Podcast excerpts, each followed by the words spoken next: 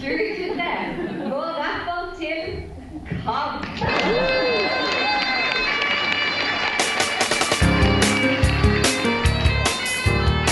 Ja da, ja da, vi skal behørig slå oss litt ekstra på brystet i dag, du, og feire velfortjente Diakoniprisen som KAB har fått. Det blir mer fest og moro og celebriteter da Agder forening av KAB slår på stortrommen og inviterer til 90-årsfeiring av KAB. Heidi Halvorsen hun er ute med sin andre bok. Eh, hadde sleppefest på Revetal bibliotek, og vi var selvfølgelig der, og vi. Ja, og du, så har vi fått en fredspris. Ja, det var, det var en stor ære å bli tildelt denne. Ja, ok, da jeg tok litt i der, men iallfall en av våre medlemmer har fått en fredspris. Ifølge en eh, objektiv kilde så blir dette en steikende bra KAB-pod, så her er det bare å henge med. Og du lurer du på, hvis du har litt sånn problemer med mobilen din, eller problemer med å forstå en app, eller noe du lurer på hvordan du skal gjøre på PC-en, følg med, for det blir tips om det òg etter hvert.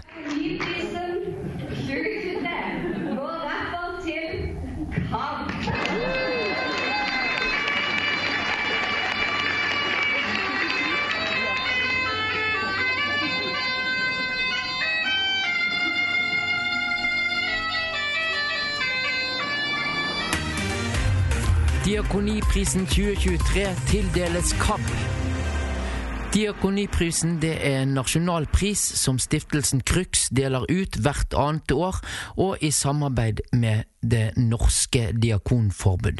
I juryen sitter i tillegg representanter fra Kirkerådet og Norges kristne råd.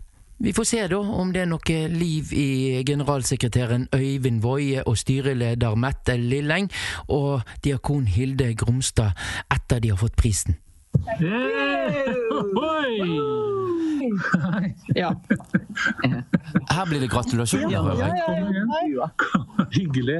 Tusen takk skal du ha. Tusen takk. Tusen takk. Nei, Det må du Ja, ja, bare, det må du bare ha med, Kurt. For eh, Vi er på en fagkonferanse nå. og Her kommer det viktigheter i Diakoni-Norge. Og ikke bare si gratulerer, men si at KAB er viktige. At denne jobben vi gjør er så nødvendig. Så For dette, hva, hva heter det igjen? Nei, hun er en av lederne på VID. Ja, hun som har Ramon, Ramina. Ja. Ja, dette kan vi google etterpå, men uh, absolutt et Du måtte bare si gratulerer med prisen og takke oss så mye. Ja. Ja, jeg tror vi har fått den fordi vi gjør et viktig diakonalt arbeid eh, som eh, kirka og de diakonale fagmiljøene og organisasjonene trenger. Det er veldig tydelig sagt det, at eh, vi gjør et arbeid som er kjempeviktig, rett og slett. Og at vi har holdt på så lenge, det er også viktig. Og at vi er eh, faglig dyktige, og at vi lytter på folka som er i organisasjonen vår. Det har blitt lagt merke til ganske mange forskjellige ting altså, i den begrunnelsen. begrunnelsen var ganske lang, så det å Altså, jeg satt der og var helt rørt. Rett og slett. Det var sånn derre Oi, oi! Mener de alt dette her om oss? Det er en rørt styreleder, altså. Ja. Diakon Hilde Gromstad, eh, var du rørt? Eh, ja I nærheten, kanskje? Nei, jeg er nok mer eh, veldig glad, jeg, da.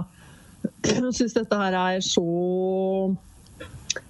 eh, Ja, veldig bra. Det er liksom en sånn anerkjennelse av eh, hva vi holder på med. Og jeg opplever også at det kanskje er en sånn både ja, en anerkjennelse og en sånn erkjennelse av at og dette er det flere som må være med på. Ikke bare det at man skal liksom si til KAB at det er kjempefint at dere holder på med det dere holder på med, men at man kanskje begynner å forstå at Kirken som helhet eller andre organisasjoner også må drive med litt av det samme, da. Du er jo diakon, Hilde, og, og eh, jobber til dagen eh, med dette. Det må jo, eh, du må jo få en pekepinn om at det du har gjort i KAB så langt, har vært riktig, da? Ja, jeg, jeg velger å tolke det sånn. og og e-læringskurset 100 med ble jo også nevnt. Det er jo det jeg driver mye med. Men eh, også selvfølgelig ble pilegrimsvandringa trukket fram. Som et eksempel på hvordan det kan gjøres, da. Ja, Vi opplever at eh, vi blir sett som en faglig sterk organisasjon som har gjort et langt og viktig arbeid i mange mange år, men som nå de ser en helt tydelig kursendring på. Og gir uttrykk for at dette her er bare å fortsette videre. Hva, Det er jeg helt overbevist om. hva slags kursendring er det snakk om, tenker du også de setter pris på? Nei, Det er jo denne strategiplanen vår da, som vi har snakka mye om. At vi skal gå fra å være en sånn eh, produserende organisasjon til å være en rådgivende organisasjon som spiller på lag med de ulike kirkesamfunnene og kristne miljøene. Og er mer utpå og bidrar til at folk som har en eh, funksjonsnedsettelse, eh, kan kjenne seg tilhørige og deltakende i kirke og sammenheng. Hva tenker dere at en sånn pris betyr for KAB som organisasjon og framtidig jobb, da? Først må vi jo si at det var 13 stykker Ja. som konkurrerte, og det ble sagt at det var mange gode kandidater. Mm. Og at uh, det var en enstemmig jury. Mm. Så det betyr jo at det virkelig er eh, gjort et valg som eh, sier noe om at KAB er viktige.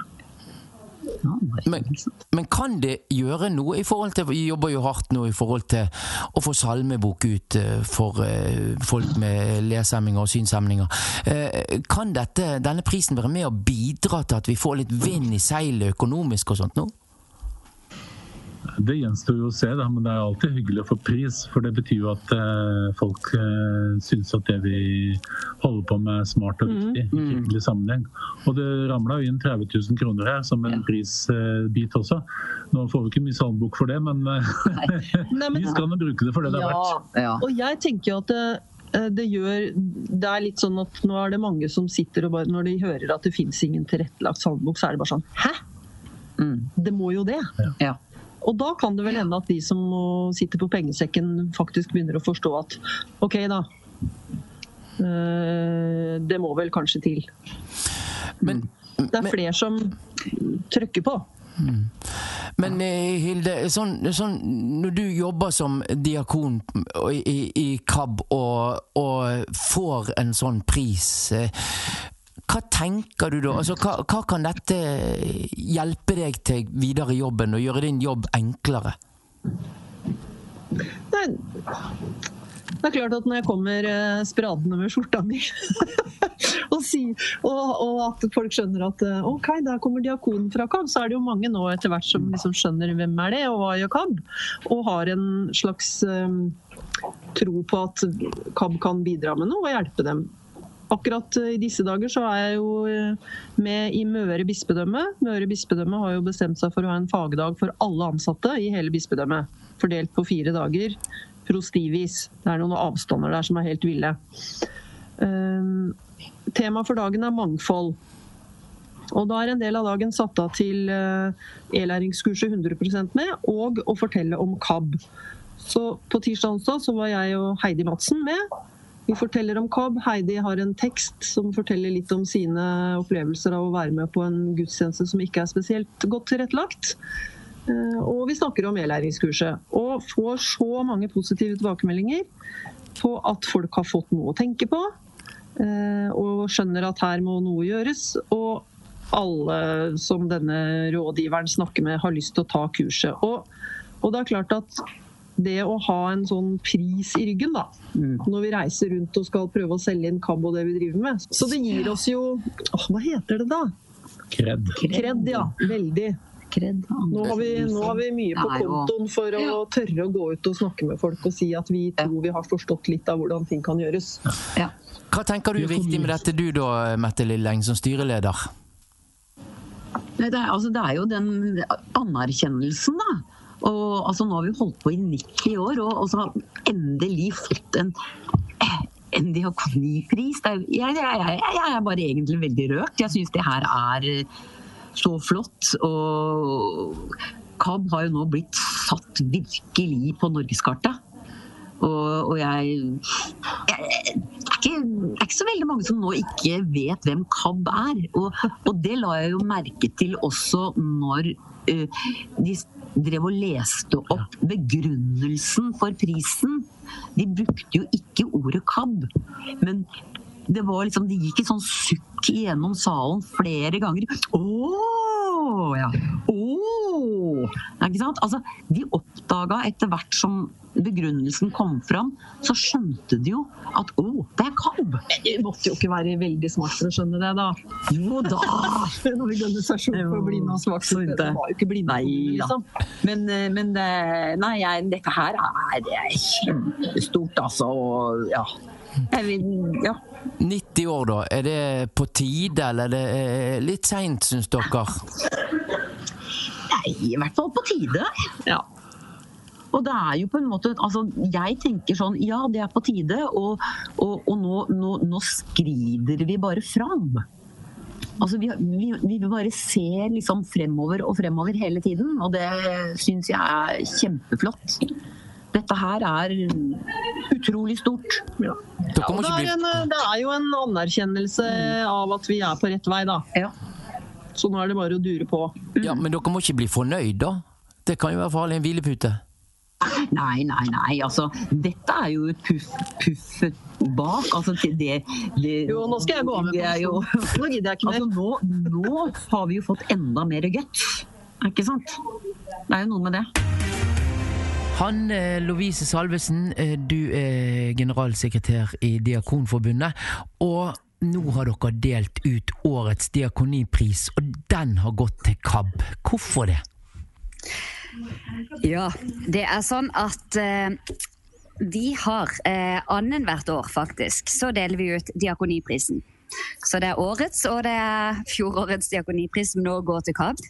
Det syns vi er vel fortjent. KAB er en organisasjon som har vært eh, gjennom 90 år eh, og markert, markert seg gjennom disse årene. Eh, og det som jeg er særlig imponert over, er denne trofastheten i forhold til innsats for mennesker med synsnedsettelse og lesevansker etter hvert.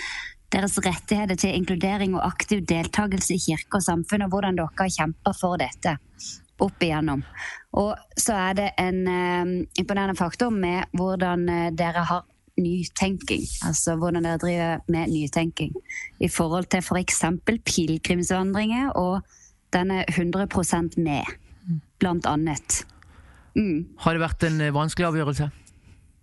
Ja, på sett og vis i forhold til at det har vært flere eh, nominerte dette året enn noen gang. Så det har vært veldig gledelig, veldig gøy.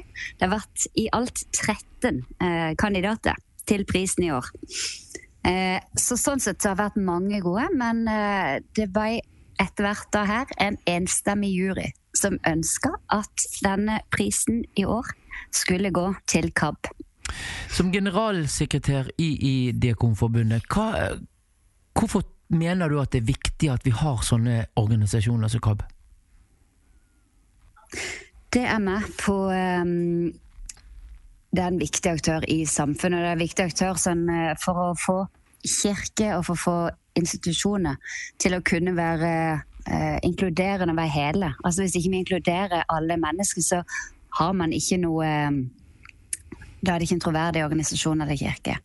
Eh, vi trenger alle mennesker inn. Alle er viktige ledd å dele på kroppen.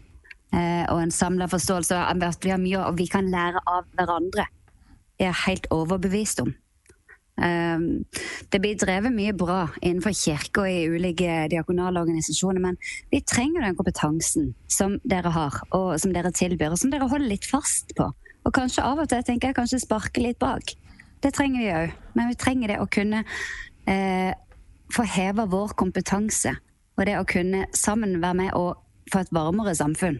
Hva tenker du i forhold til at eh, vi trenger en sånn organisasjon som KAB?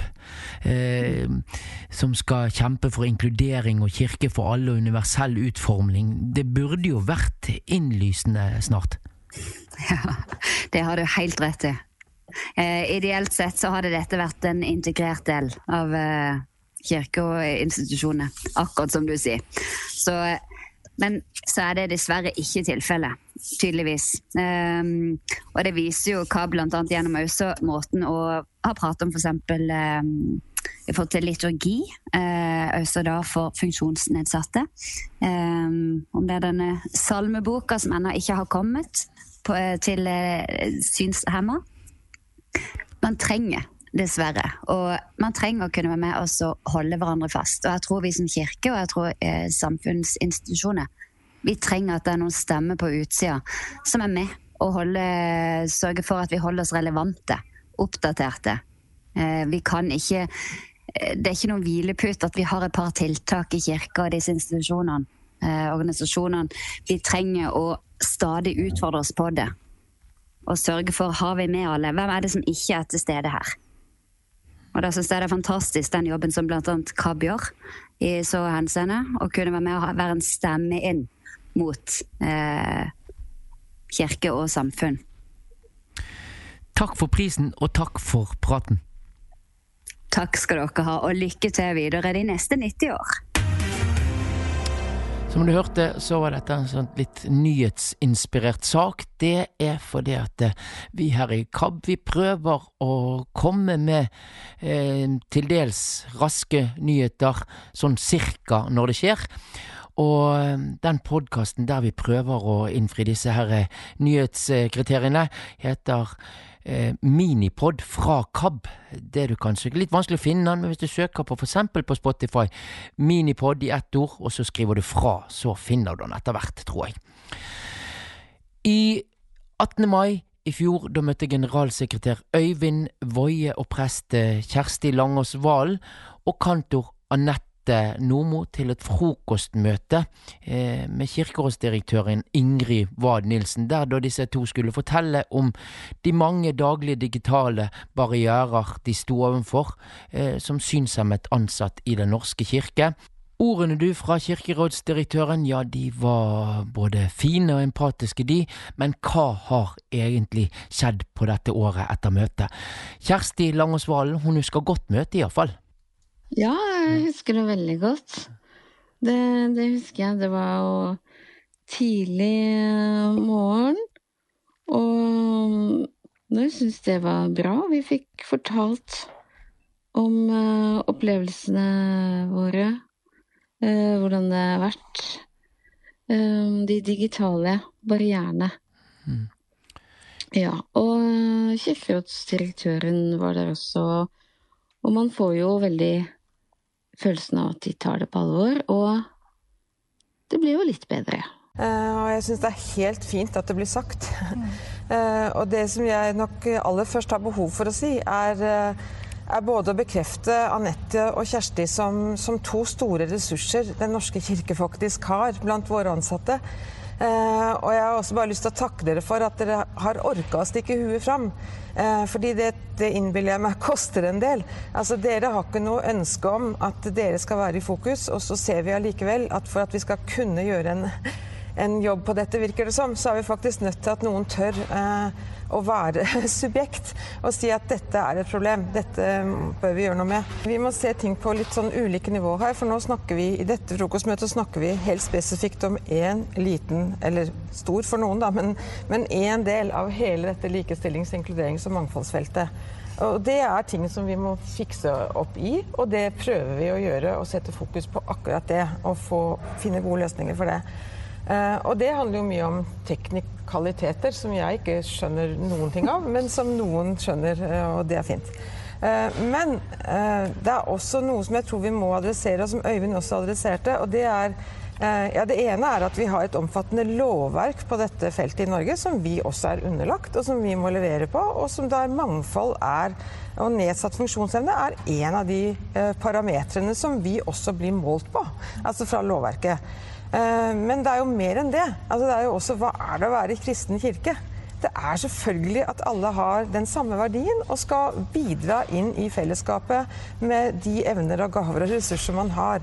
Så vi blir jo ikke en hel kirke hvis ikke vi klarer å ta inn over oss at, uh, vi, at alle ressurser skal med inn uh, i dette fellesskapet. Og det er jo Det går jo på våre holdninger. Og det vi har, vi har, jo i vårt land utrolige eh, ressurser og muligheter til å få dette til, så dette må vi bare snakke mer om, gjøre, bli mer bevisste på. Eh, og, og, lære oss til å leve med at mangfold er et gode. Eh, som gjør at vi selvfølgelig eh, må legge til rette for at et mangfold kan blomstre også i Den norske kirke. Det er det det er å være kirke. Det er et mangfold. Fine ord der altså fra kirkerådsdirektør som heter Ingrid Wad Nilsen, men finordene til tross har det blitt bedre. Her får du høre hva Anette Nordmo, som er kantor, mener. Jeg går jo egentlig rundt og føler, føler at uh, den sentrale kirken eh, rent organisatorisk, da, for å si det sånn, eh, vil ikke ha oss. Og det er jo et veldig det er Hva sier, du nå? Hva sier du nå? Vil ikke ha oss? Ja, vil ikke ha oss som er eh, blinde og svaksynte, eller som har funksjonsnedsettelser, da, eh, eh, i jobb. For, for, hadde de villet det, så hadde de vel før eller senere ha, ha, hørt på oss. Og det de ville fått igjen, ville vært så mye større enn det det, hva det koster. Det de ville fått igjen av berikelse av det kirkemusikalske livet, hadde blitt så mye mer enn det det hadde kosta. Og det er veldig trist at de ikke skjønner det. Eh, og det er også et veldig paradoks i forhold til at Kirken er så opptatt av at vi skal være så inkluderende, og at det skal være rom for alle. Og da kan man jo undres hva alle betyr.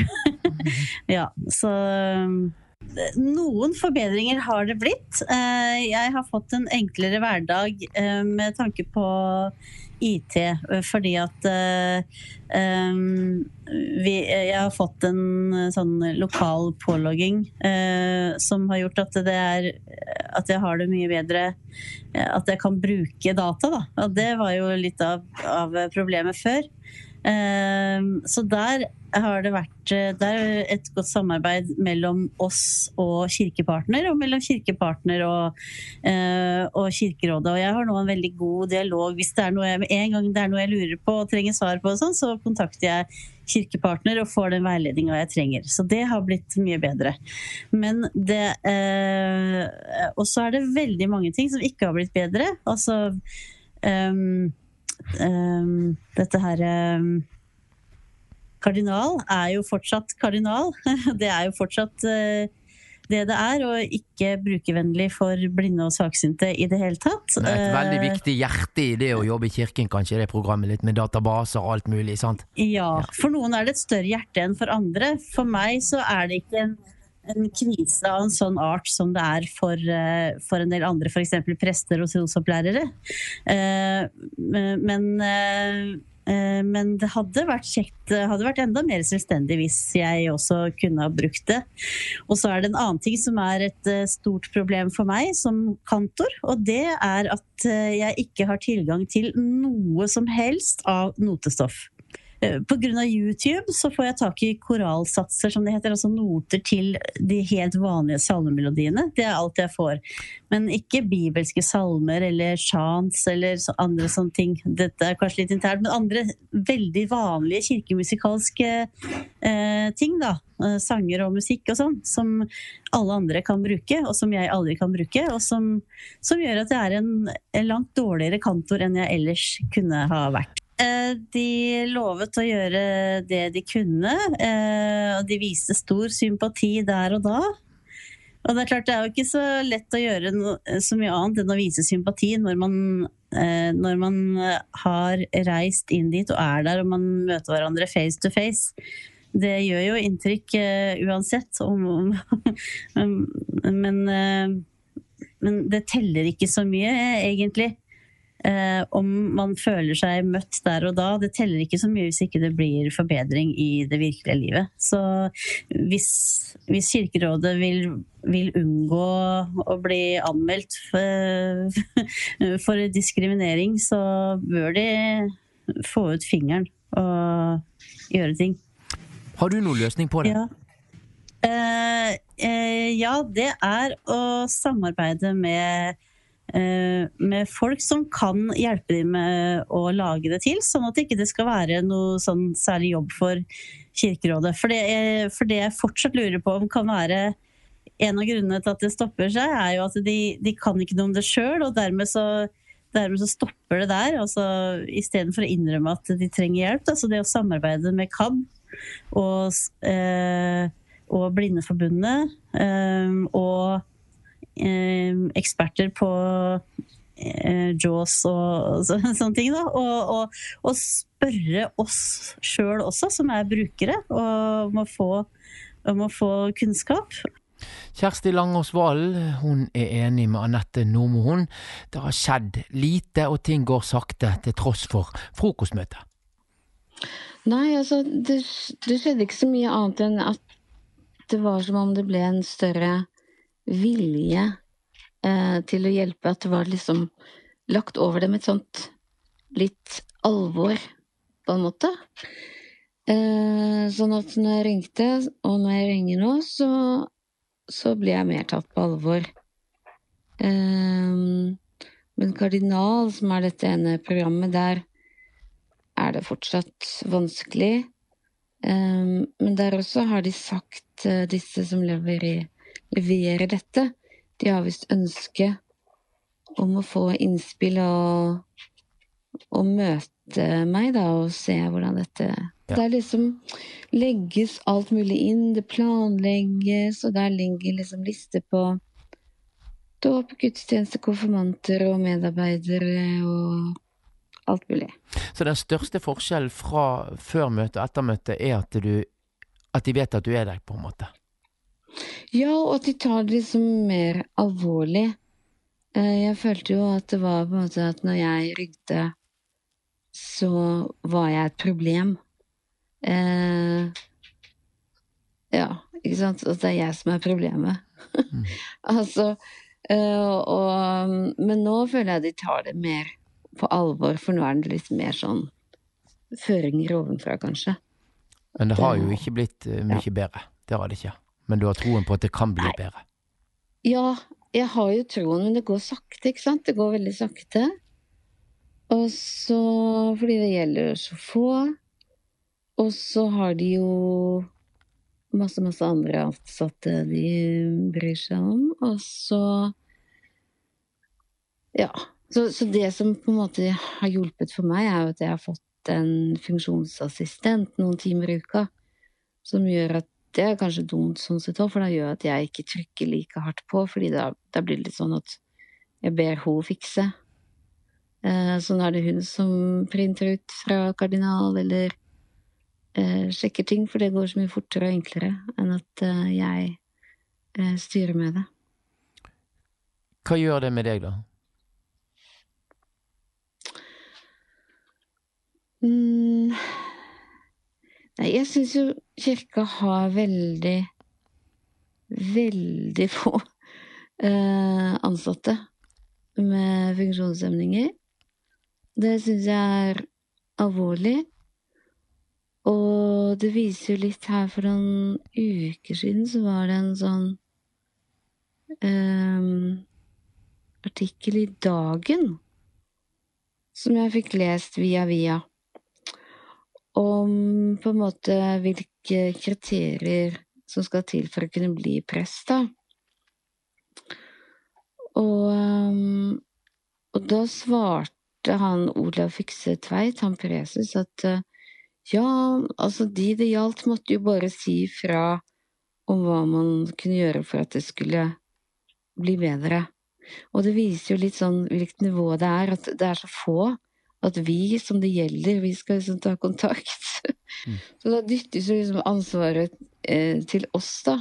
Og det er litt sånn jeg tror de har holdt på Og det er det Ingrid Ivad Nilsen sier også, at eh, dere må si ifra. Det er bare sånn det er.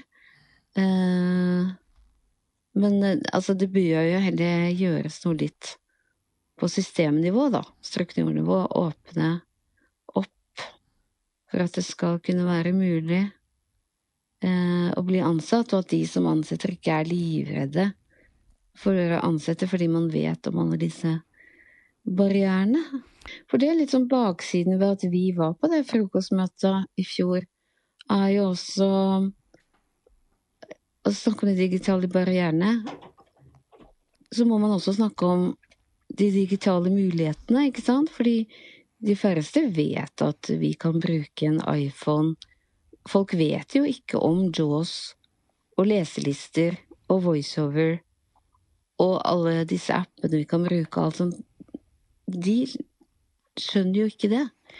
Eh, sånn at eh, da kan det virke helt umulig å tenke seg at en synshemma da kan gjøre en jobb eh, i kirka. Sånn at um, Det er liksom baksiden. Så når vi snakker om de digitale barrierene, så blir vi også nødt til å snakke om de digitale mulighetene. Og Men det gjøres ikke. jeg tror, så vidt jeg husker, at Øyvind nevnte det i det frokostmøtet. Men Kjersti, det der at du nå har uh, hatt litt sånn motvind i, eh, i I dette her med å Man kan vel si nesten å bli sett litt, da. Eh, hva gjør det med det, tankene dine i forhold til eh, din profesjon og det å være prest, da? Hva, bli, mister du troen på deg sjøl som prest, eller? Nei, heldigvis ikke, fordi at eh, jeg har en så god menighet som er så positive, og som jeg, jeg får gode tilbakemeldinger, og jeg trives i, med å være prest, og jeg trives med oppgavene mine og med menneskene jeg møter. Det gir meg mye glede og energi og Ja, så det er fint. Du som ber om dager uten sorg Du som samler lust og glädje För att hålla smärtan nere Du som jagar efter vind Du som tror du vokser uten tap. Du som aldri tar en sjanse. Holde hver en skanse. Mens din livslyst tørker inn. Alt som kan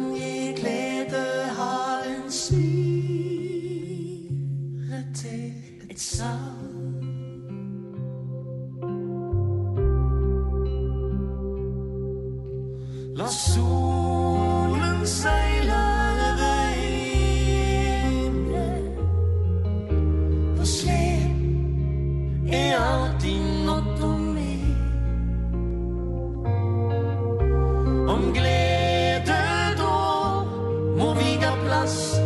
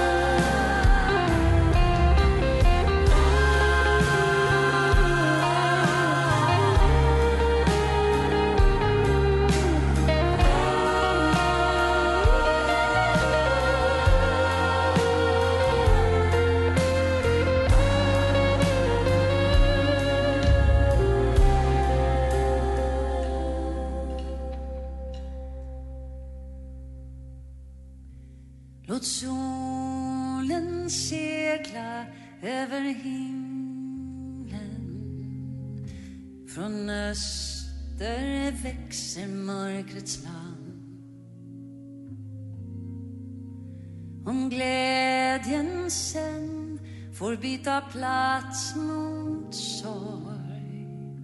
Ska båda föras ut av samma hand.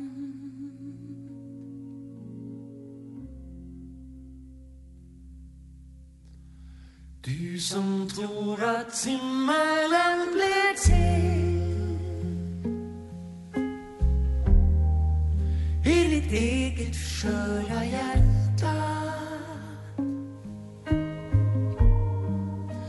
utan gråt och utan smärta har nog glömt vad glädje är Dette her var eh, en av de virkelig store øyeblikkene som Sigvart Dagsland har hatt, mener jeg da. Med sangen som heter Sangen om gleden. Det er en eh, sang fra plate nummer tre, tror jeg dette her, men eh, dette var da en nytapning av denne gamle sangen. Dersom eh, du hørte på dette innslaget med, med Kjersti Langås Valen og Anette Normo, og føler at du har problemer i forhold til enten å være ansatt i kirken, eller bare det å være en vanlig kirkegjenger i din eh, lokale menighet, så må du gi beskjed til oss. Det er veldig viktig. Jo mer vi vet, jo mer kan vi antageligvis få utrettet. Revetal bibliotek det var fullt opp med folk og forventninger da Heidi Halvorsen skulle slippe sin nye bok som heter Utsikt. Dette er en bok med lyrikk og litt lengre tekster. Det hele det startet med vakker musikk fra Heidi Halvorsen.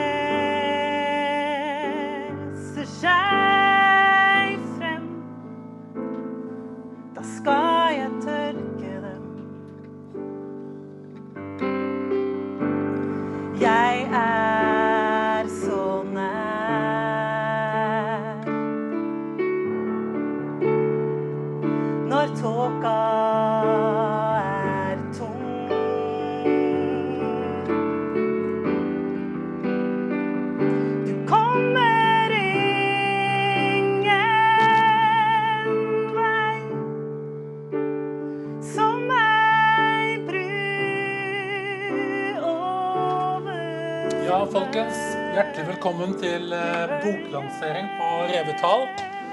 Jeg heter altså Øyvind Woie, og jeg er generalsekretær i noe så artig som Kristent arbeid blant blinde og svaksynte. Eller KAB, som vi gjerne kaller det. Kveldens stjerne i kveld, det er Heidi Halvorsen, og boka heter 'Innblikk'. Yay! Nå, Heidi, Ja. har du det bra? Ja, nå har jeg det bra. Ja. Er du fornøyd med oppmøtet? Kan ikke alle rekke opp hånda som har kommet, så ser jeg. Ja, det er litt vanskelig å se. Det er litt vanskelig å se. Ja, nei, jo, jeg tror jeg er fornøyd. De sier det er fullt. Heidi, du er altså Jeg har bare lyst til å si bitte litt om deg først. Jeg, jeg opplever at du er en seende. Selv om øynene dine ikke ser, så er du en seer. Som ser ting som vi seende ikke lenger klarer å observere og legge merke til, for vi er såpass sløve av alt det vi ser. Og dette tar du med deg inn i det forfatterskapet som vi nå skal dykke litt inn i og sette ord på.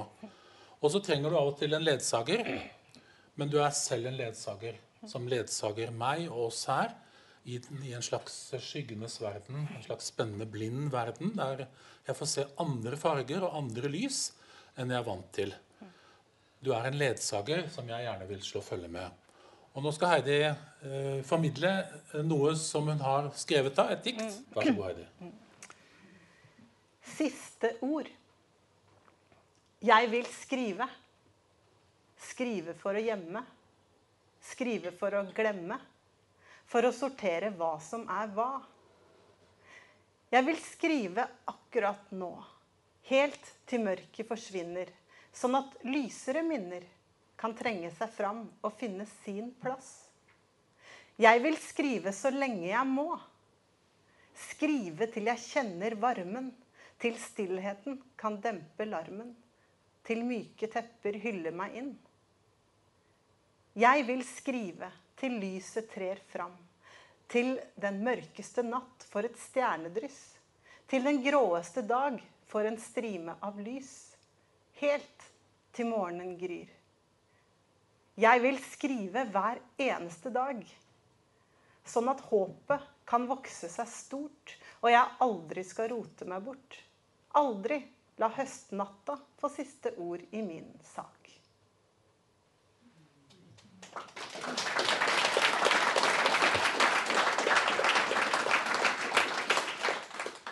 Når skrev du din første tekst? Min aller første tekst, det må ha vært på skolen da jeg lærte å lese, tenker jeg. Eller skrive, da. Kan du huske at det var en tekst som det liksom var en tekst du skrev? Nei, men jeg ble veldig fort glad i å skrive, glad i historier. Og så hadde jeg læreren min på barneskolen. Hun retta ikke skrivefeil før vi var ganske langt ute i barneskolen. Så hun lot på en måte skrivegleden få blomstre uten at det var masse røde streker og feil. da. Mm. Men hva er det som har skapt denne tekstinteressen for deg da, i barndommen din, tror du? Jeg var glad i å lese bøker. Veldig glad i historier. Jeg leste veldig mye. Jeg hadde alltid rekorden i klassen på antall bøker vi skulle lese sånn, når vi hadde sånn konkurranser. um, men sånn jeg, at jeg skriver nå, er mer fordi jeg har skjønt at jeg eh, ja, Det er lettere for meg å få sagt ting ordentlig hvis jeg skriver det enn hvis jeg skal si det. Syns jeg. Hva var det du likte best å lese da du var barn? Hmm, det var fantasihistorier. Sånn eh, type var det Roboten Matilda, for eksempel. Etter hvert så begynte jeg å lese kjærlighetsromaner, selvfølgelig. Så jeg har lest mange kjærlighetsromaner. Mhm. Ja. Men når skrev du liksom tekster som ble til de tekstene du nærmer deg nå? Var det på et spesielt tidspunkt, eller bare vokste det fram fra Det var Ja, jeg var, har egentlig aldri vært så veldig glad i dikt. Um, men uh, i 2016 så var jeg på et kurs på, eh, som heter Din livskurs, hvor man skulle skrive sin egen livshistorie og litt sånn. Og så skulle jeg egentlig bare gi en tilbakemelding på hva jeg syntes om det kurset. Og så var det plutselig et dikt. Og, eh, så jeg ble litt overraska, egentlig. Og så var det liksom som om det blei en sånn måte Som sjelen min fikk en stemme, da. Som jeg kunne sette ord på ting som jeg ikke greier å sette ord på ellers. Ja, Det var ganske alvorlig at sjelen din fikk en stemme. Ja, det føles litt sånn, egentlig. Hva, var det en god tilbakemelding, eller var det Den tilba ja, den var god. Det var, Ja, det, var, det var et bra kurs? det var et veldig bra Det kurs. det var ikke et stygt dikt? Nei, det var, det var ikke et stygt dikt. Det heter 'Uten maske'. Så det handla om det å kunne på en måte våge å være uten maske sammen med andre. Mm. Men når du jobber med tekstene, hvordan er det de blir til? Eh, I denne boka her så er det jo eh, kortere eh, Ja. lyrikk, det er lengre tekster. Mm. Er det bare å sette seg ned og begynne i den ene enden, eller hvordan er det dette skjer? Som regel så skriver jeg Eller de dikta. Det er litt forskjell på tekster og dikt, faktisk. Eh, dikta er ofte skrevet fordi jeg har behov for å sette ord på noe, eller tenke, eller føle. Og så kommer det liksom lettere ut i diktform. um, men det, alt har egentlig utspring i opplevelser jeg har. Eh, Eller ting jeg har gått og tenkt lenge på, men oftere opplevelser enn at jeg liksom går og grubler på en ting. Ja. Går det en slags sånn diktalarm i det halvorske hjem, da? Altså, Hva sa du, Atte? Går det en slags diktalarm hjemme hos dere? i heimen deres? Sånn, Nei oh, oh, nå skal mamma skrive dikt!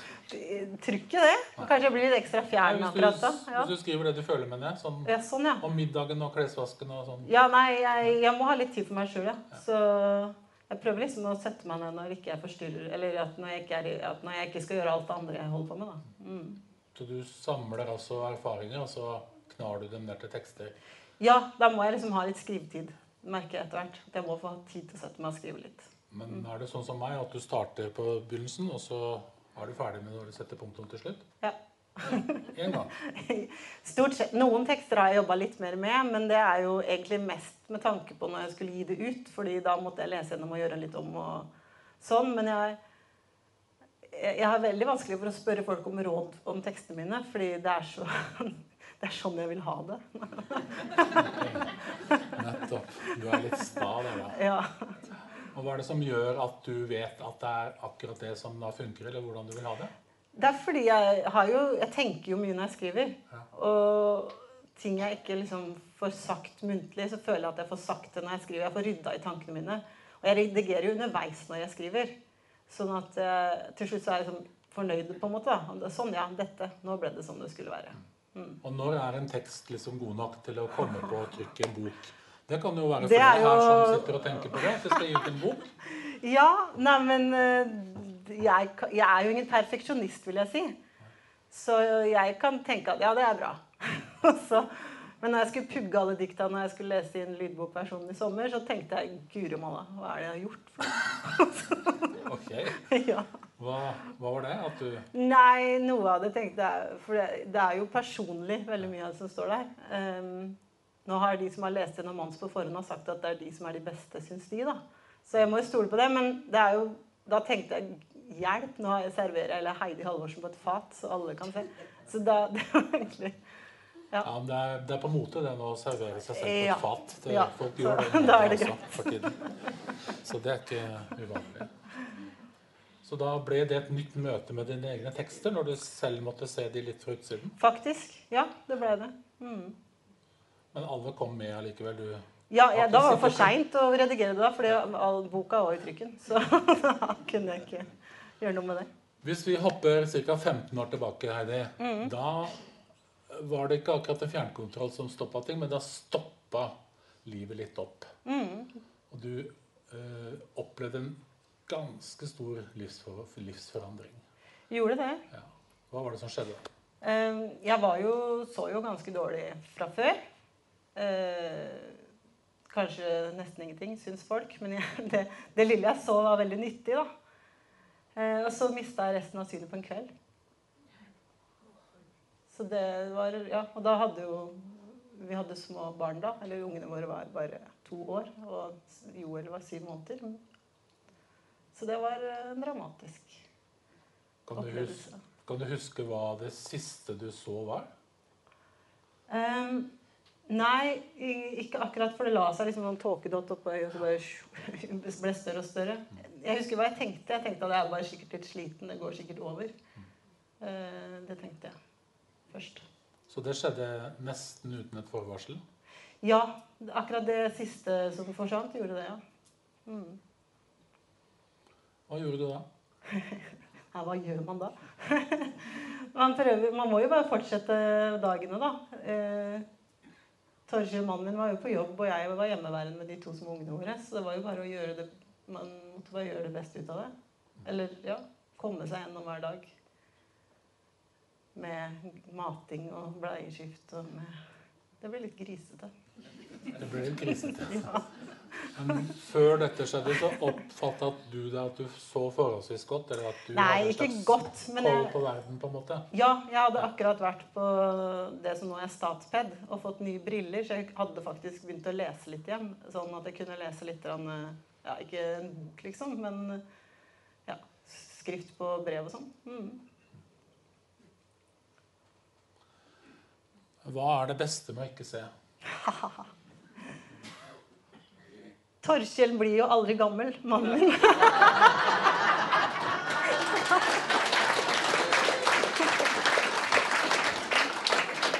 Den 19. oktober, ja, så da var det fest og moro i, i Lund menighet, der eh, da lokallaget av KAB, altså Aglaforening, de hadde en 90-årsfeiring for eh, KAB. Og Inger Anne Ilebekk, ja, altså 90-årsfeiring for KAB, eh, er det en oppegående dame dere har feiret, eller mann, eller hva du skal si om KAB? Ja, jeg håper jo at den er det, da. Det føler jeg og føler vi har jo eh, både sentralt og lokalt så er det jo mye aktiviteter for tida. Så jeg vil si at det er en oppegående 90-åring vi feirer. Og Agder forening eh, av KAB, de er jo eh, Dere er jo veldig aktive. Ja, vi har jo vært nå en periode for vi har hatt et styre som har vært eh, tenkt litt nye aktiviteter, og vi har fått litt nye medlemmer med oss også, så um, selv om det er jo mange av disse medlemmene er jo en eldre gruppe, men eh, vi, vi prøver med litt nye prosjekter, og det kanskje kan eh, også at vi kan få med noen lesehemmede, håper vi også på sikt litt. Men du, altså, dere har nå feiret eh, 90-årsjubileet til KAB der i Agderforening.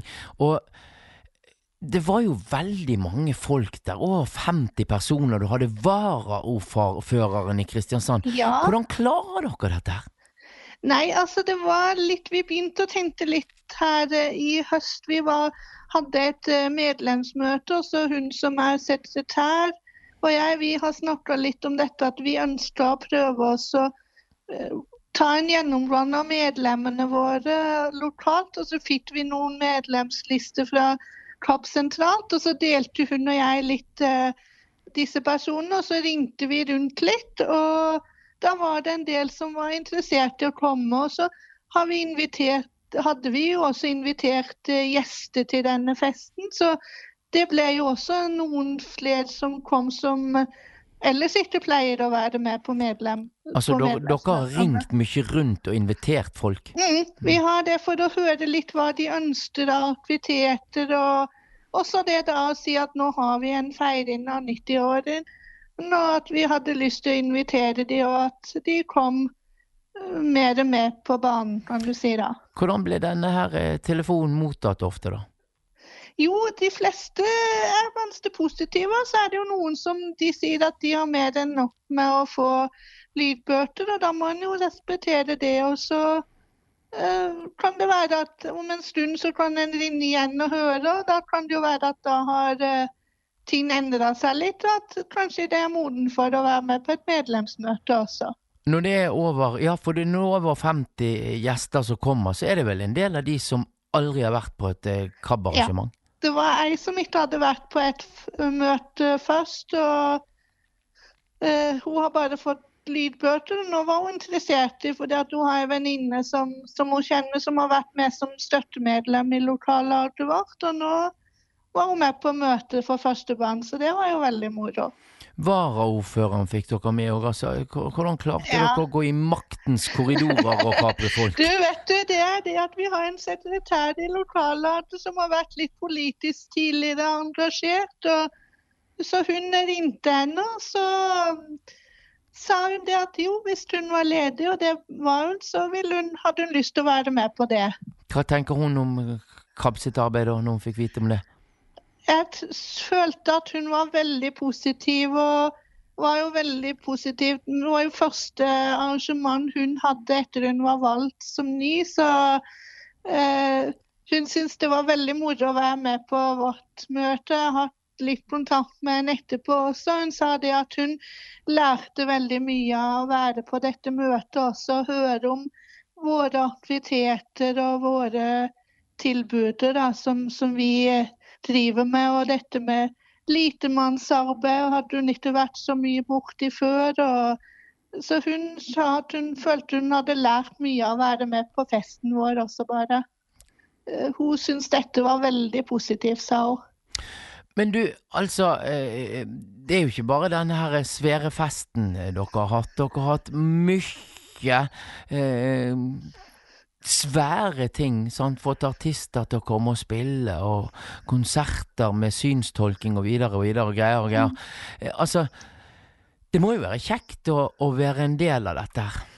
Ja, det er jo veldig moro, men det er klart det er spennende, for det er liksom eh, Kommer det folk? Eh, hvordan skal en arrangere dette? Og, eh, vi tenkte, håper jo liksom på at dette kan gi litt vind også, at en kan få nye medlemmer og få nye kontakter med ja, nye menigheter kanskje også som ikke vet om KAB sitt arbeid. Og, og få det ut, informasjon om KAB, tror jeg er veldig viktig. For jeg tror det er mange som har glede av vårt, har glede av vårt tilbud. og, og som ikke vet om at det finnes, denne organisasjonen finnes også.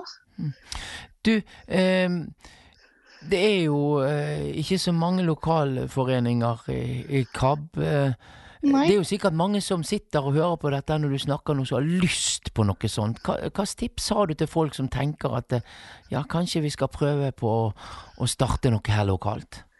Ja, jeg synes jo det, hvis, hvis det er noen få, så begynn i det små å ha noe, men begynner med noen små, nesten kall det litt husgrupper. da, så eh, Det å møte sammen, det å dele erfaringer og bygge opp til kanskje at det kan bli et eh, lokallag om man ikke treffes så mange ganger, kanskje en gang i halvår eller to. og eh, Kunne dele ting og erfaringer tror jeg er veldig flott. og det hadde jo vært flott hvis en kunne fått flere lokallager også. Kanskje en kunne samarbeide litt på grensene også, hvis det er steder som det er få synshemmede og leshemmede. At en kunne kanskje ha litt mer samarbeid i lokallagene også.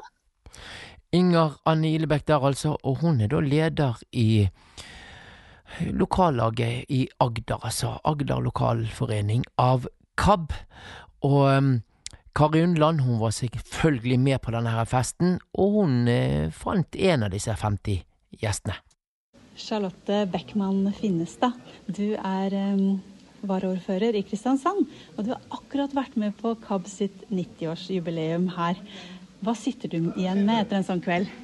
Jeg sitter igjen med en opplevelse av takknemlighet. Det å få lov å være med på en 90-årsdag, det, er jo ikke, det er jo ikke hver dag. Eh, og det er stort. Men det å få mer innsikt i arbeidet som KAB gjør, eh, det har også gitt meg en større forståelse av å være blind, svaksynt eh, eller ha andre funksjonsnedsettelser. Eh, men egentlig ikke Jeg vil jo egentlig ikke heller kalle det noe funksjonsnedsettelse. Altså, det er så mye ressurser her. Det er så mange mennesker som har så store ressurser. Og det at vi som samfunn nå må bli enda flinkere til å inkludere og skape tilhørighet, eh, det er, det er viktig. Eh, og, og ja, bare jeg tror at en del av arbeidet også handler om det der og bevisstgjøringa rundt det, de store ressursene som ligger der. Hva kan en sånn fest ha å si for deg videre i arbeidet ditt? Jeg syns det var veldig flott at jeg som varaordfører fikk lov til å Det er egentlig en av de første offisielle representasjonene jeg gjør, og den første jeg får gjøre med ordførerkjedet. Det vil jeg jo alltid huske, og det legger et grunnlag. Og det å, ja, det å tenke inkludering i enda større grad, det er jeg helt sikker på at de neste fire årene jeg nå går inn i som varaordfører, eh, har gitt meg kanskje til og med et litt sånn en, en endra holdning. Mm. Vi snakka litt om eh, inkludering. Det ble sagt så fint. Mm. Eh, det der med Tilhørighet. Til, altså, eh, det som han Oddbjørn sa, eh, var at til, sann tilhørighet, det handler om, om å være savna. Det at noen kan savne en. Og det, Jeg skrev det ned, for jeg syns også han sa det på sånn en ufattelig fin måte. At det er ikke bare involvering, inkludering, men det handler om å, å skape tilhørighet. Eh, og tenk på hva det betyr når du er savna noen. Eh, og det at alle mennesker skal få et fellesskap og noe, et sted å høre til, eh, ja, det er jo da man, man også merker når vedkommende ikke er der. Og så sier alltid jeg at det er menneskene som gjør stedet. Eh, og det å, å, sette seg ned ved bordene her og få hilse på folk og det å bli litt bedre kjent med Inger Anne og Odd Martin og Det har vært fint. Ja. Tusen takk for at du kom. Veldig bra. Tusen takk, takk for at jeg fikk komme, og gratulerer igjen med 90-årsjubileet.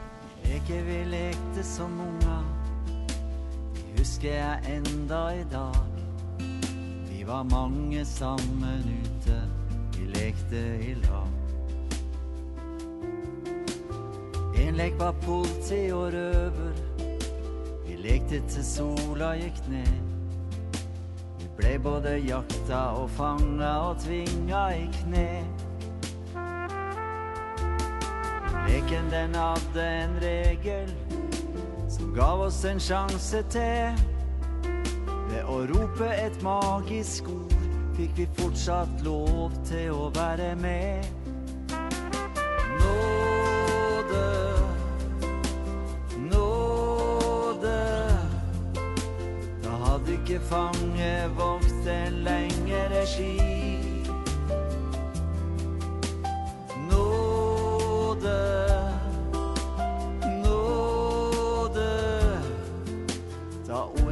Sagt, ble vi som var fanga, satt fri.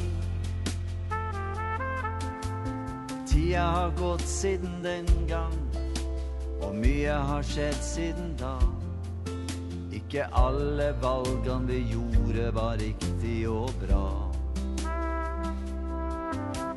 Så ble vi fanga av minna om ting vi har gjort og har sagt. Og anger og mismot fikk etter hvert all makt. Da gjorde vi som i leken, da vi ble tvinga i kne. Vi ropte det magiske ordet og merka at noe begynte å skje.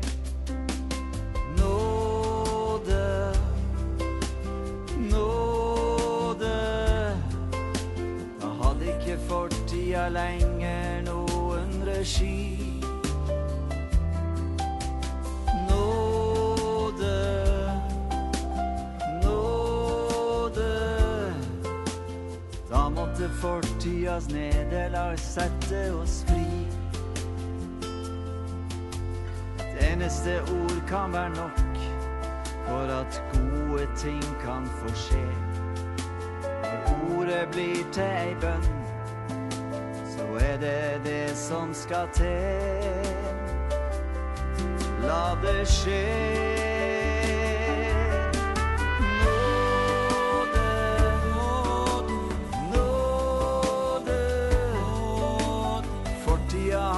Har ikke lenger noen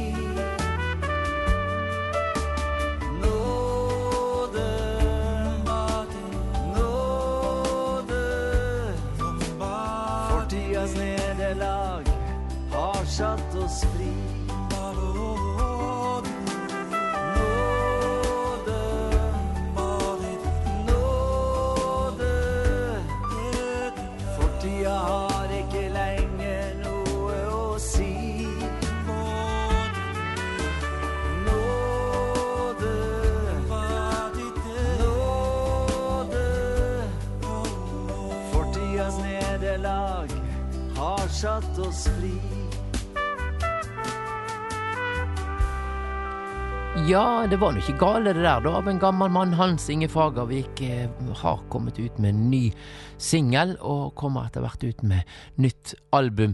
Og eh, ja, litt artig å høre Hans Inge Fagervik, hvordan han låter nå, for han var jo en eh, viktig del av Barnas og Lydavis og, og Kula etter hvert. Det var mange som ønskte seg Hans Inge Fagervik. Den gang da på 80-tallet. Magne eh, Lunde, ja, du er faktisk den eneste universelle og utformingsstrategen i Norge, Magne. Eh, du eh, jobber i media LT. Og i dag så har du lyst til å snakke om dette her som heter Smart ja, som er et tilbud som Media LT har. Hva er det for noe? Smartia er en gratis brukerstøtte for eh, blinde og svaksynte. Så det er en mulighet da, til å ta kontakt både på e-post og telefon for å få hjelp med spørsmål knytta til bruk av teknologi. Hva kan man få hjelp med? Ja, det er et stort område man kan få hjelp eh, med. Det, det kan jo være spørsmål knytta til bruk av smarttelefon, nettbrett, PC eller, eller Mac. Da. Og da er det jo, hvis man står fast på en ting, eh, et konkret spørsmål man har. Det kan jo være at lyden er borte på telefonen. Det kan være et konkret spørsmål til en app du har på telefonen. Eh, Så det er jo sånne praktiske utfordringer og spørsmål man sitter med da, i, i hverdagen. Eh, Men det er ikke ment som å gi opplæring f.eks. I, i bruk av, av eh, voiceover på, på smarttelefon. Så hvis det er litt sånn store ting, så må man kanskje uh, få hjelp til det uh, ved å søke om å få støtte til opplæring eller, eller gå på et kurs. Da. Men hvis man sitter med, med konkrete spørsmål man trenger hjelp til, så kan man ringe denne tjenesten og, og få gratis hjelp. Er det en reaksjon på at det er litt for dårlig eh, kompetanse på dette med synshemmede og teknologi? Det er iallfall slik at forskningen eh, har vist eh, at det er utfordrende for eh, blinde og svaksynte å få god eh, IKT-opplæring. Eh, så, så, så det er en, en, en mangel i, i, i samfunnet som synshemma sliter med. Og, og det, det, det trengs å få, få god hjelp. Og, og derfor eh, har vi da eh, hatt et ønske om å få opp denne tjenesten, så at eh, man kan få hjelp der og da, da med problemet man sitter med. Eh, For det kan jo ta tid eh, før man får hjelp, og, og altså kan det være vanskelig å få den hjelpa han, han trenger. Da. Og Derfor vi, tenker vi at det er godt å ha et, eh, et sånt lavterskeltilbud der man kan få hjelp eh, når man faktisk sitter med problemet. Jeg ser at dere har en nettside på Smartia, en ressursside. Ja, det finnes en nettside som heter smartia.no. S-M-A-R-T-J-A.no. Den, eh, der ligger det masse eh, ting som er bra å lese hvis man vil finne ut av ting på egen hånd. Det eh, ligger informasjon om hvordan man kan bruke f.eks. en smarttelefon med voiceover. og det, det ligger altså masse sånn brukerretta informasjon om ulike eh, ting som eh, man bruker telefon til, og hvordan man kan gjøre det som synshemma. Er det mange som ringer inn? Vi har hatt Vi har jo drevet denne brukerstøttefunksjonen nå i snart ja, over to år. Um, og på den tiden så har vi vel hatt nærmere 1000 henvendelser. Ja, har du da lyst til å bli den tusen og første henvendelsen, så kan du sende mail på smartja i ett ord, alfakrøll, smartja.no, og så kontakter de deg. Eh, men de har telefontjeneste òg, den er åpen på hverdager fra 09.00 til 15.00. Og telefonnummeret du skal ringe da er altså 45 12 34 55. Her i Kabod, her går det så det griner her, du, fordi at nå hopper vi til et helt annet tema. Du skal nemlig få lov å høre om en fredspris. For en av verdens eldste eh, internasjonale fredsorganisasjoner, de ser til Jæren og Tore Nærland, vår egen Tore Nærland, eh, når de da deler ut eh, The Sean McBride Peace Prize. Eh, Tore Nærland han deler da denne her prisen sammen med tre militærnekterorganisasjoner fra Belarus, Russland og Ukraina. Juryen eh, sier om disse her tre militærnekterorganisasjoner at eh, de er et symbol på hvordan fredens ånd varer ved i motgang. Så gratulerer, Tore Nærland, for den jobben du har gjort i veldig mange år for at verden skal bli et bedre sted. Ja, det var, det var en stor ære å bli tildelt denne her i var vel i forrige uke eller uka før, og fra Internasjonalt Peace Bureau. Den heter McBride-prisen. McBride det var han som starta Amnesty og av International Peace Bureau i sin tid, og fikk Nobel fredspris i 1974. Hva gjør, det- hva gjør noe sånt med det, da? Ja, det er helt fantastisk. Det er en inspirasjon uten like. Og eh, i tillegg så fikk jeg fredsprisen i samme pasifister i Ukraina, Russland og Hviterussland. Ja, det var militærnektere. Hva, Ja. hva, hva, det er vel virkelig en gruppe i, i den regionen der som er, er, er greit å, å, å få pris sammen med? Ja, det syns jeg er en stor ære til å bli delt i pris sammen med deg. For eh, det ser ikke ut som at man kan vinne denne krigen på slagmarken. Det må, det må forhandles til, og da må man legge ned våpen og begynne å prate sammen i Ukraina. Men, men Tore, og man må gi og ta litt. Mm, Ja, men Tore, dette med Bike for peace Jeg har alltid jeg har ikke helt, eh, Hvordan fungerer det? Altså, eh, du, du, du trakker på pedalet for fred, og hvordan eh, blir det mer fred av å sykle rundt i verden? Det var et godt spørsmål. Sykkelen er vår talerstol. På den måten så har vi sykla oss inn til hundrevis og tusenvis av ordfører, folkemøter over hele verden, siden 1978. Og eh, vi får enorm respons med lokalpolitikere, organisasjoner, massemedia etc. i de 120 landene vi har besøkt. Ja, Hva snakker dere om da, da? For, for å skape fred? Da, da blant annet snakker vi om en verden uten atomvåpen. Atomvåpen kan ikke bli, bli brukt på sin fiende. Det er vår, vår store eh, kampsak siden 1980-årene. Og nå jobber de med en internasjonal lov om å forby atomvåpen i FN. Og det eh, tror jeg er er de gode i gang med, men eh, de ni atommaktene har ikke gått inn og skrevet under på det ennå. Nei, og nå skal jo Russland kanskje begynne å prøvesprenge igjen. Ja, det er det som er trist, men eh, vi får, vi får gi bånn gass og så jobbe av at det ikke skal skje, og få det til. Og for oss i Bike for Peace så er dette så inspirasjon å få denne prisen. og Jeg gleder meg til å komme enten til Berlin eller det blir andre byer.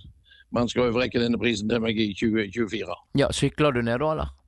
Ja, Det er ikke helt sikkert. Det er ikke ti år der. og så så jeg ikke den eh, lange kapasiteten lenger å sykle nå som jeg gjorde tidligere.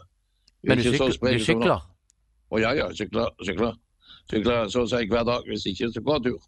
Ja, Hvor langt sykler, øh, sykler du? Nei, nå, nå sykler vi som regel om vi er ute på sykkelturer, så er det ja, 30-50 km, ikke så mye lenger lenger. For vi legger mye mer vekt på møtearrangementer, kulturarrangementer over hele verden. Utenom kampen om atomvåpen så har vi jobba i fred i Burma, fred i Ukraina osv. Men en del områder vi har sykla i, sånn som Palestina, så har dette mislykkes en del. at Vi har ikke fått kommet fram. Og, og Israel også. Så på Vestbredden de har kasta stein etter meg når jeg har sykla der. Og, og har vært ikke alltid så godt mottatt i Israel heller, for, for det med bringer budskap om fred, vet du. For det, det, det må bli en todels løsning der, en egen start der, for å bli fred. En til ikke ha det sånn som det er nå. For 2024 så har vi planer med Pakistan og India, for det har også vært en stor konflikt. Så har vi planer med en kampanje òg i eh, Kina og Nord-Korea. Så vi har eh, mange prosjekter i 2024 på gang. Ja, vi har, vi har f.eks. dette med, med Ukraina, så har vi gode kontakter. Jeg var i en konferanse i Wien der det var folk både fra Russland og Ukraina. Og eh, der vi arbeider med å få til eh, fredsforslag, slik at eh, verdenssamfunnet kan jobbe for fred der. Og det, det Er du med og prøver å jobbe for et fredsforslag i Ukraina? Å ja, ja. Det jobber vi med gjennom Internasjonalt Peace-byrå, som jeg også er Bike for Peace er medlem av, annet. Men vi har hatt på konferanse i Wien i juni, der vi tok opp disse tingene, hvordan vi kan få fred i Ukraina. Det må ordne seg, for det, det er sånn som i dagens situasjon er. La oss ta først da Ukraina-Russland. Nå er det ca. 600 000 mennesker ble drept der, sier de sier 24. februar i, i fjor. Det er enorme mennesker, og det er unge mennesker, både på begge sidene.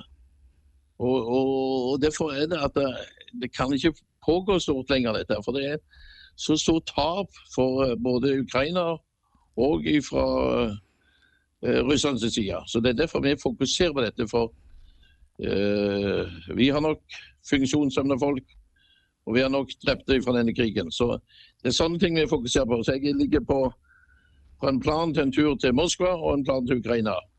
For å møte folk i eh, parlamentet i, eh, i Moskva, og ellers det samme i, eh, i Ukraina. Ja, For eksempel når du møter noen folk i Moskva, da. Ja, Der får jeg bl.a. møte eh, folk i, i forskningssenteret med- for fred i Moskva. eh, barnebarnet til tidligere utenriksminister og president i, i Sovjetunionen, Andrej Gomyko. Han driver der. Og så eh, arbeider jeg med å få til et møte med eh, folk i Dumaen i utenrikskomiteen der. For eh, det må være litt møte med litt tak i. Eksempel hvis du skal i Dumaen, da, så er det jo flest der som er for krigen. Og, og blir du Altså, øh, kjenner ikke du hva, kjenner du da? Altså, ser du, Er det håp der hos de? Kjenner du at det, at det til og med der kan det bli et håp, og at det kan bli et ønske om fred der òg, liksom? Ja, i høyeste grad. For dette har igjen med, med hvordan vi i Vest-Norge. For du kan si eh, eh, Vi kan litt snakke om at eh, skal, Ukraina skal bli medlem i Nato. Men eh, hva, med, hva skjedde på Cuba under Cuba-krisen i 62, når Sovjetunionen hadde sett raketter der? Da holdt det på å bli verdenskrig. Og det, det Vi må lære litt av historien. Og Vesten, USA, Europa, har lært altfor lite av dette at de vil plante Ukraina med i Nato. Det skal være en fri sone der mellom, eh, mellom øst og vest. Så alle kan ikke være medlem av, av eh, Nato. Hvor er, er, er, Gud med deg på disse reisene? Ja, jeg er inspirert av eh, Jesus til å jobbe for fred. Og eh, jeg står i sterk kontakt med, med Gud. Jeg ber til han hver dag om å hjelpe meg i fredsarbeidet. For av og til føler jeg at det er urettferdig verden vi lever i, med krig og djevelskap. Men uh, jeg trøster med Gud og trøster med Jesus, at jeg kan få hjelp til dette. Og det bruker jeg mye tid på. Bønn og Når jeg reiser mye rundt om i verden, så besøker jeg kirker også i, i Kina. Over hele verden besøker jeg kirker. I Kina er det helt fantastisk hvordan det kristne livet også der er. Der trykker de bl.a. Bibelen på, på blindeskrift og sender den gratis ut til blinde over hele Kina. I Nanjing, et trykkeri der de trykker bibler ellers, der trykker de også Bibelen på blindeskrift. Har du hjulpet de, å og fått i stand det? Nei, jeg har vært med og bekt de opp litt. Men du, eh, så Jesus er, er ledestjernen er- og den som har inspirert deg til å bruke hele livet ditt på sykkelsetet for fred? Blant annet Jesus og Mahatma Gandhi og Martin Luther King. De har også inspirert meg mye. Takk til Tore Nærland der, altså. Du, nå eh, er det snart slutt på den kapprodden, men frykt ikke, det kommer mer stoff. Julestoff før jul. Men eh, ja, eh, vi avslutter som vi pleier å gjøre, med en tanker om tro. Og i dag så har vi en ny som skal formidle sine tanker om tro. Det er Marita Bjørke Aadland. Hun er sokneprest i Slemmestad Nærsnes menighet. Hun skriver andakter i Vårt Land, så dette her er veldig kjekt at hun vil gi oss noen tanker om tro.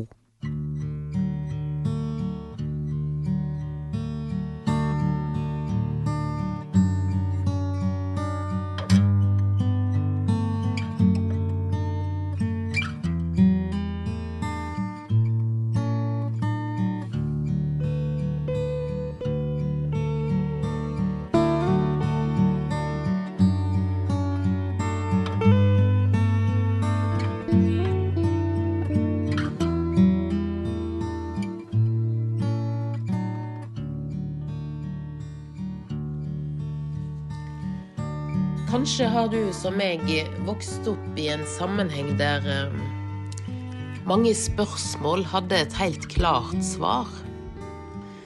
Kanskje i ei kirke eller på et bedehus eller i en forsamling der svarene ble gitt deg. Kanskje hver søndag av den som forkynte, eller den som hadde åpning på et møte, eller den som preika i ei gudstjeneste. Kanskje tenkte du at eh, det å være kristen, det var å akseptere alle disse svarene. Prøve å leve etter de, og leve de ut i ditt eget liv. Og kanskje tenkte du av og til at eh, hvis du ikke klarte det, så var du en dårlig kristen. Kanskje følte du at eh, du ble sett ned på, eller at de som du gikk i det samme miljøet som, kanskje eh, tenkte at du ikke levde et bra nok liv. Det har vært veldig mange moralske pekefingre i veldig mange kristne miljø, eh, der mange av oss har vokst opp. Jeg er snart 50 år. Jeg vokste opp på bedehuset og i kirka på Vestlandet, i Hardanger. Og hatt veldig mange gode erfaringer derifra. Jeg er veldig glad for den bakgrunnen. Har tatt med meg veldig mye av det. Eh, bruker det mye sjøl i forkynnelsen min som prest. Men jeg ser også at eh, frykten for å stille spørsmål kanskje av og til var litt stor. I det siste har jeg hørt på ei lydbok av en forfatter og teolog som heter Rachel Held Evans. Jeg vil anbefale hennes eh, bøker. De finnes som lydbok også. Um, og hun sier en ting som jeg beit meg merke i sist jeg uh, hørte på hennes lydbok. Og hun sier spørsmåla dine er like heilage som svara. Det syns jeg var utrolig fint sagt. For det er sånn at jeg tror at Gud tåler våre spørsmål. Jeg Gud, tror at Gud ønsker seg mm, at vi skal leite oss fram, søke oss fram, være mennesker som er på leit hele tida etter hva det er å være menneske. Hva er det å prøve å gjøre godt i den verden som vi lever i nå? Hva er det jeg skal bruke livet mitt på? Hva tror jeg at er viktig for å leve et godt liv som menneske i relasjon til min neste og i relasjon til Gud? For meg så har denne forfatterens utgangspunkt vært veldig åpnende for min egen tro, min egen historie og min egen teologi. Jeg har lært meg at det er lov å stille spørsmål ved ting som en har hørt opp gjennom i oppveksten. For det er ikke sånn at et menneske på et bedehus i Norge har alle svar på hva det er å være kristen, bedre enn det jeg kanskje har sjøl. Det ligger veldig mye makt i å være forkynner, i å være ungdomsleder, i å være prest. På mange måter så er en et trosforbilde for mange mennesker. Men så er man også en tjener, kanskje aller mest for Gud og for mennesket. Og det krever også en stor ydmykhet i det som vi sier. Derfor så var det utrolig befriende for meg å bli minnet om at spørsmåla dine er like heilage som svara. Det lar oss leve i Guds verden med ei undring og med ei tilnærming til tru som jeg tror er veldig sunn. Fordi det gjør oss audmjuke i møte også med andre mennesker og deres historie. Denne forfatteren Rachel Held Evans har også lært meg noe om at alle fortellinger, alle bibelfortellinger, all bibelhistorie blir skrevet og blir til i en kontekst, i en sammenheng. Det hjelper oss kanskje også til å forstå at alt det vi leser, er prega av tida det er skrevet i, menneskene som har skrevet det, religiøse impulser, strømninger i tida. Og det ikke Det er ikke farlig å si det, og det er ikke farlig å vite det, fordi det gjør bare livet som kristen. Livet i relasjon til Gud, livet i relasjon til Bibelens tekster, til ei enda mer spennende reise. Og den reisa, den har jeg tenkt å holde fram med. Jeg har tenkt å fortsette å undre meg.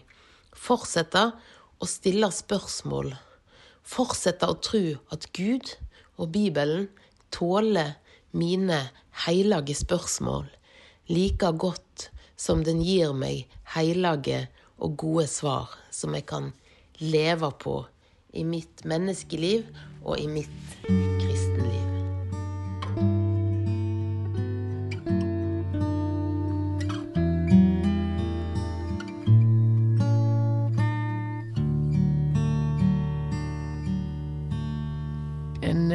Viktig melding her til slutt, du. To viktige meldinger, faktisk.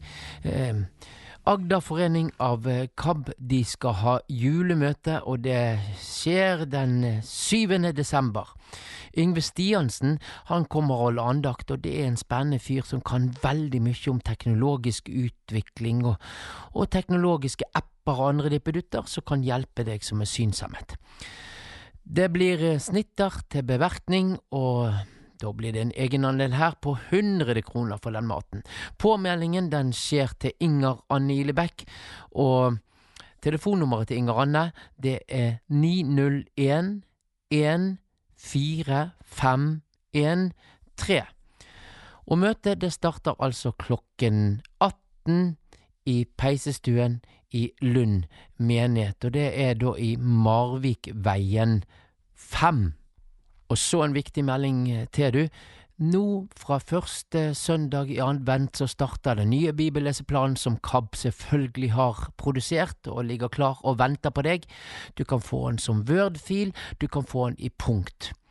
Og dette er virkelig å anbefale. Jeg har hatt en sånn i år sjøl, og det er en glede å slå opp på riktig dato. Der finner du en liten bibeltekst, og så finner du hva mer du skal lese. Lykke til med det. Ring 69 81 69 81 hvis du vil bestille denne bibelleseplanen. Og da sier jeg takk for at du har hørt på.